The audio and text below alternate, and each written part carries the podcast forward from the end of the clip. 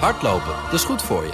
En Nationale Nederlanden helpt je daar graag bij. Bijvoorbeeld met onze digitale NN Running Coach... die antwoord geeft op al je hardloopvragen. Dus, kom ook in beweging. Onze support heb je. Kijk op nn.nl slash hardlopen. Ik was niet gelukkig met de wijze waarop de beoogde doorstarter probeerde die transactie door te duwen. En die wisten ook wel dat de curator in een lastig pakket zou worden gebracht vanwege die belangen, die maatschappelijke belangen, die op de achtergrond speelden. Niet elk ondernemersavontuur eindigt met een notering in de quote 500. Niet elk bedrijf overleeft een flinke crisis. Niet elke onderneming weet het financiële spel goed te spelen. En als alles misgaat, als de chaos regeert en schuldeisers aan de poort rammelen, dan breekt het tijdperk van de curator aan. In deze serie praten mijn collega Elisa Hermanides en ik, Thomas van Zel, over onvergetelijke faillissementen met de puinruimers van het bedrijfsleven. Dit is onder curatoren. En deze keer gaat het over een zogeheten flitsfaillissement in de kinderopvang. En zo'n flitsfaillissement, Elisa, dat was een tijdje terug. We moeten een beetje de geschiedenis in. Tamelijk hip. Ja, dat was het zeker. Het klinkt ook wel hip, vind ik. Flitsfaillissement. Je krijgt er zo'n gevoel bij dat het allemaal zo gedaan is. Lekker makkelijk. Even failliet gaan. Wat werknemers aan de kant zetten. En hup, doorstarten maar. En ja, daar hoort ook bij dat er voor het faillissement, zelfs voor de surseance, al sprake is van een zogeheten stille bewindvoerder. Dat klinkt heel geheimzinnig, vind ik zelf. Maar of dat ook zo is, kunnen we denk ik het beste vragen aan onze gast uh, van vandaag. En dat is Wouter Jongepier. Uh, advocaat en curator bij New Amsterdam Legal. Welkom. Ja, wat is zo'n flitsfaillissement nou precies? Laat ik vooropstellen dat het woord flitsfaillissement geen, uh, uh, geen definitie kent in de wet of iets dergelijks. Het is een, het is een aanduiding die negatief is. want het, het, het doet vermoeden hè, dat er iets gebeurt dat eigenlijk het daglicht nauwelijks kan, kan velen. Um, maar jullie hebben mij hier gevraagd in verband met Estro en dat is geen flitsfaillissement. Wat ermee bedoeld wordt, uh, is dat er een doorstart wordt voorbereid. En als het goed is, is die voorbereiding nuttig en profijtelijk voor de werknemers, voor de schuldeisers en voor andere stakeholders in een faillissement, omdat de onderneming uiteindelijk gered wordt. En dat levert uh, ja, voor, de, voor de schuldeisers en uh, ook voor de werknemers en bijvoorbeeld toeleveranciers een veel betere positie op dan wanneer uh, de onderneming wordt geliquideerd. En um, andere term die ook wel gebruikt wordt is pre-pack. Is dat nou helemaal hetzelfde of is dat toch iets anders? Nou, pre-pack is een uh, doorstart die uh, tot in detail wordt voorbereid uh, in een periode voor het faillissement onder toezicht, althans uh, in aanwezigheid van de beoogd curator. Dus die beoogd curator, dat is de persoon die later door de rechtbank benoemd zal worden tot uh, curator, die is betrokken bij de voorbereiding van zo'n transactie en kan daar dus invloed op uitoefenen. Want uh, de, de beoogd curator die kan um, aangeven ja, dat bepaalde voorwaarden, bijvoorbeeld de prijs, um, hem niet aanstaat en dat hij de transactie, aan de transactie niet zal meewerken. En, en dat is die zogeheten stille bewindvoerder? Dat heette vroeger de stille bewindvoerder. Uh, bevoerder. Het heet, tegenwoordig wordt het in het wetsontwerp WCO1 de stille curator genoemd. Maar dat is, dat is dezelfde figuur. Laten we het even hebben over uh, Estro. Want over dat faillissement uh, en ook de doorstart willen we het vandaag hebben. wat voor bedrijf was Estro vlak voordat jij daar uh, stille bewindvoerder of beoogd curator werd? Ik had toen ik uh, gebeld werd door de rechtbank om stille bewindvoerder te worden, nog nooit van Estro gehoord. Al een tijdje uit de kleine kinderen. Ik was, nou dat wil ik niet zeggen, maar ik had nog nooit van Estro gehoord. En ja, Estro bleek de, toch wel de grootste kinderopvangorganisatie van, van Nederland te zijn. Hè, met 30.000 kinderen eh, die zij eh, opvingen eh, op jaarbasis. En iets van meer dan, ik geloof, 340 vestigingen. Verspreid over het hele land. dus dat was een gigantische organisatie. En zeg je dan meteen ja op zo'n verzoek van, denk de rechtercommissaris? je wordt gebeld door de rechtbank en dan is de eerste vraag of het je vrij staat om op te treden in een bepaalde zaak. en als je dan, als je, als, dan moet je een onderzoek doen. als je op een groot kantoor zit, dan moet je in de administratie kijken of er conflicterende belangen zijn. of je kantoor niet optreedt voor een van de grote schuldeisers of een van de grote financiers. Maar als dat niet het geval is, dan, dan kun je zeggen uh, dat het je vrij staat en dat je ook gelegenheid hebt om die uh, functie te aanvaarden. En wat, wat trof je daar aan bij Estro? Wie, wie trof je daar in eerste instantie aan? In eerste instantie, ehm, nou ja, het, was duidelijk dat, ehm, dat het bestuur van Estro die had om wat toen nog heette een, een stille bewindvoerder verzocht. En ze hadden ook duidelijk aangegeven dat er een um, plan was om Estro door te starten. En ehm, eh, eigenlijk werd ik in eerste instantie benaderd door, door het bestuur met de advocaten van Estro. En bij dat gesprek waren ook aanwezig de advocaten van de beoogde doorstarter. Wat ook al een van de belangrijkste Was dat HIG? Dat was uiteindelijk HIG. Ja, er zaten meteen advocaten aan tafel. Ja. Nou ja, het is wel belangrijk wat je zegt, want de doorstart wordt dus mogelijk gemaakt door een onderdeel van de failliete of verkopende partij. In dit geval was dat zo natuurlijk niet altijd zo. Kijk, die, die stille periode die kan ook nut hebben als er helemaal geen doorstart is. Dan, is het, uh, dan dient die stille periode om je goed voor te bereiden. Het kan ook zijn dat die stille periode bedoeld is niet alleen om het faillissement voor te bereiden, om enige controle te krijgen op het proces als het faillissement daar is. Maar het kan ook zijn hè, dat het in verband uh, staat met een beoogde doorstart. En dat was bij Estro het geval. En het bijzondere bij Estro was dat een van de bestaande financiers ook de koper, de beoogde koper. En moet jij als curator ook oordelen, is deze deal in het belang van alle betrokkenen? Precies, zo is het. En als er geen en ik, eh, in, in dit geval van Estro was het. Dat is een. Ik bedoel, we praten hier echt wel over een hele grote onderneming. Hè, die buitengewoon sophisticated was uh, gefinancierd. Allemaal met grote uh, uh, Zuidas-kantoren en kantoren in Londen. Ja, sophisticated, is dat eufemistisch uitgedrukt? Is dat gewoon met allemaal schimmige constructies of ja, trucjes? Niet schimmig. Ik bedoel, het is uh, zo gebeurd. zo steken financieringen nou één keer in elkaar. die worden op zijn anglo-saxische lees geschroeid. Dat zijn geweldige documenten. Uh, en dat was allemaal uh, goed inzichtelijk, maar het was wel, het ging om hele grote bedragen. Maar, maar dacht jij meteen van deze doorstart in deze vorm is een goed idee? Of had je toch wel twijfels? Nou, ik had niet, ik had, uh, niet zozeer eh, in eerste instantie twijfel, maar de rechtbank die had uh, zelf twijfels. En die had gezegd, je mag je wel, dat was de opdracht die ik van de rechtbank had gekregen, je mag je, laten we zeggen, je mag je laten informeren, maar je mag je niet uitspreken over die beoogde doorstart.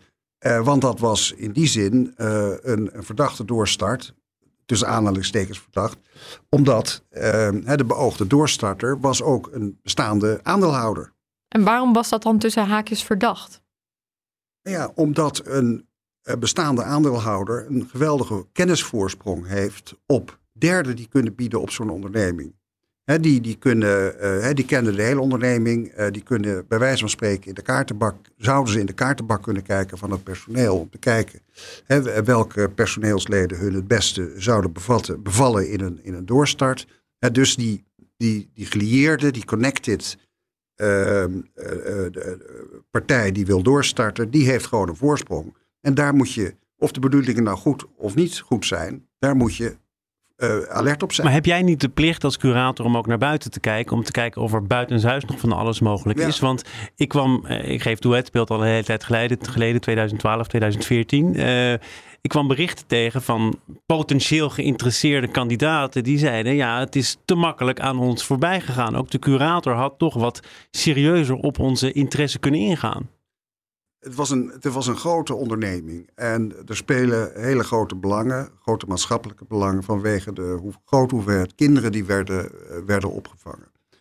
dus het alternatief van uh, direct stoppen met de kinderopvang, dat was een mogelijkheid. Maar dat zou een hele zware verantwoordelijkheid op de curator hebben gelegd.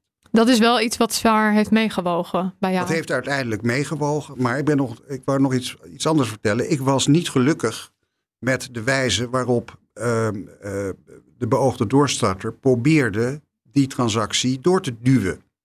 En die wisten ook wel dat de curator in een lastig pakket zou worden gebracht vanwege die belangen, die maatschappelijke belangen, die op de achtergrond speelden. En ik heb aangegeven dat ik uh, met hen niet in zee ging. Dat ik eerst ook andere partijen de gelegenheid wilde geven om op basis van hun bieding ook een bieding te doen. En toen, uh, toen heb ik uh, drie partijen in Nederland, waarvan vermoed werd, daar heb ik advies over ingewonnen, dat die in staat zouden zijn om een transactie van een dergelijke omvang te consumeren. Die alle drie ook actief waren in de kinderopvang. Die heb ik de gelegenheid geboden om aan te geven of ze interesse hadden. En als die achteraf zeggen er is te weinig met onze vermeende of potentiële interesse gebeurd, dan weerspreek jij dat? Dan weerspreek ik dat. Um, kijk, er is geen veiling geweest. Hè? Het is geen veilingsproces waar iedereen op, op kon inschrijven. Ik heb het bij de drie grote geprobeerd. Die hadden geen interesse. Ja, en dan op een gegeven moment uh, is het, uh, moet je de knoop doorhakken. En uh, degene die hebben uh, achteraf gezegd, het is voor te weinig weggegaan. Nou, da daarvan denk ik van ja, het is nogal gratuit om dat, uh, om dat te roepen. dat waren soms ook hele kleine partijen die totaal niet in staat waren om een dergelijke transactie te doen. En uiteindelijk, ik heb me ook laten adviseren, dat is ook het voordeel van zo'n steringperiode, dat je wat tijd hebt om goede adviseurs in de arm te nemen. Ik heb Ernst Young gevraagd, wat is die onderneming nu waard? En uh, daar, die hebben een advies gegeven en uiteindelijk is de prijs zoals die bij de overdracht is afgesproken, uh, is uh, conform het advies van een, een derde grote partij op het gebied van, van financieel advies. Maar ik heb ook gezegd, ik wil wel ook de toekomstige waarde wil ik, in het contract hebben. En toen is er een warrant afgesproken, een winstrecht. Want ik wist, dat weet iedereen, hè, dat private equity, die hebben de neiging om hun investeringen na vijf jaar te verkopen. Uh, en ik heb gezegd, ik wil het best, ik wil het uiteindelijk wel aan jullie verkopen. Die voorwaarden moeten beter worden. Maar de belangrijkste voorwaarde die ik heb ingebouwd is dat, ik een, dat de boedel een winstrecht wil hebben. En uiteindelijk is dat winstrecht, uh, bleek na vijf jaar, een waarde te hebben van bijna 18 miljoen.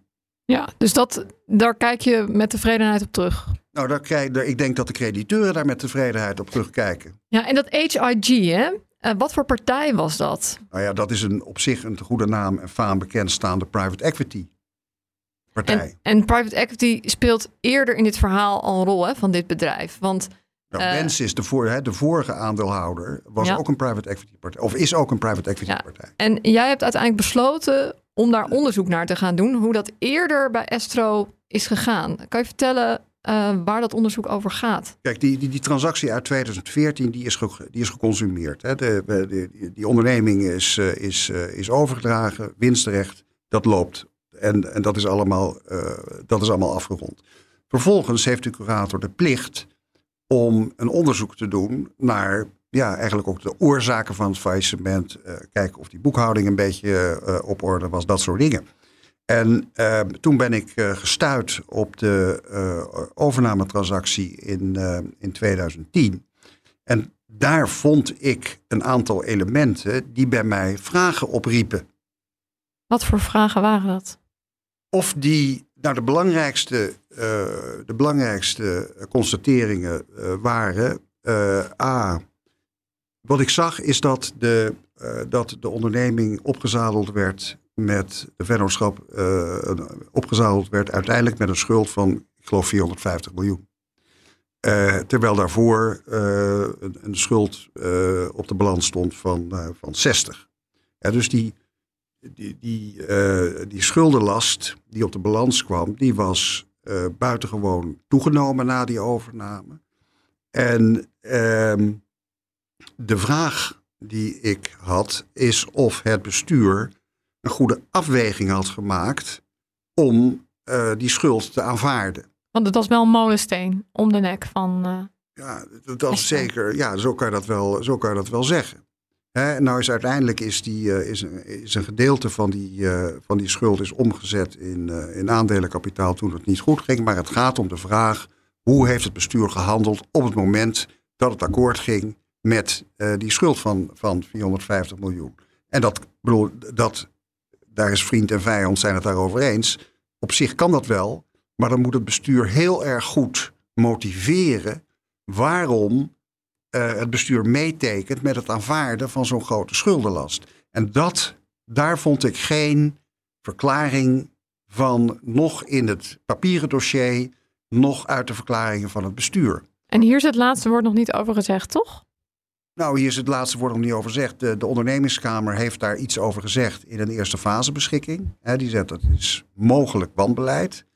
Uh, en he, dat is voldoende om uh, een onderzoek te laten doen naar de, naar de gang van zaken. Dat onderzoek is afgerond. Hè, en de uiteindelijke vraag of er sprake is geweest van wanbeleid, die, is nu nog, uh, die moet nog beantwoord worden door de ondernemerskamer. Ja, ik kan me herinneren die tijd hè, dat Estro uh, failliet ging, dat die doorstart kwam. ook heel veel berichten van boze ouders, kan ik me herinneren. Um, dat geeft natuurlijk ook een bepaalde druk, lijkt me anders dan bij misschien een ander faillissement. Uh, hoe ben je daarmee omgegaan? Met die maatschappelijke factor? Nou ja, kijk, het, is natuurlijk, het is natuurlijk heel duidelijk dat, een, uh, dat, dat kinderopvang en, uh, een, een, een, ja, een, grote emotionele factor is. Hè? En ehm,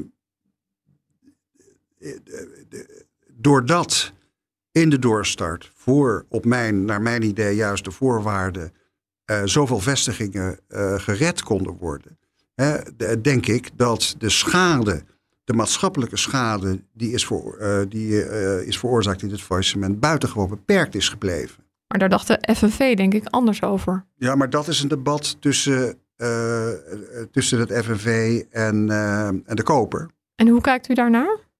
De FNV is gaan procederen, toch? Een aantal werknemers die zijn gaan procederen en die, die hebben gezegd, omdat dit een prepack was, uh, is er sprake van uh, overgang van onderneming. En zijn alle werknemers uh, vanuit de boedel mee overgegaan naar small steps. Ja, maar die waren niet alle even welkom. Want ik geloof dat jij tot de conclusie bent gekomen. Er was heel duidelijk een soort groen bakje en een rood bakje waar je als werknemer, medewerker in terecht kon komen. Als je oud was of een bepaald verzuimpercentage had, dan was je bij die doorstart toch wat minder welkom. Ja, dat, dat kan ik niet beoordelen. Uh, niet alle werknemers konden mee. Uh, dat lijkt duidelijk, want ze, niet alle vestigingen werden overgenomen.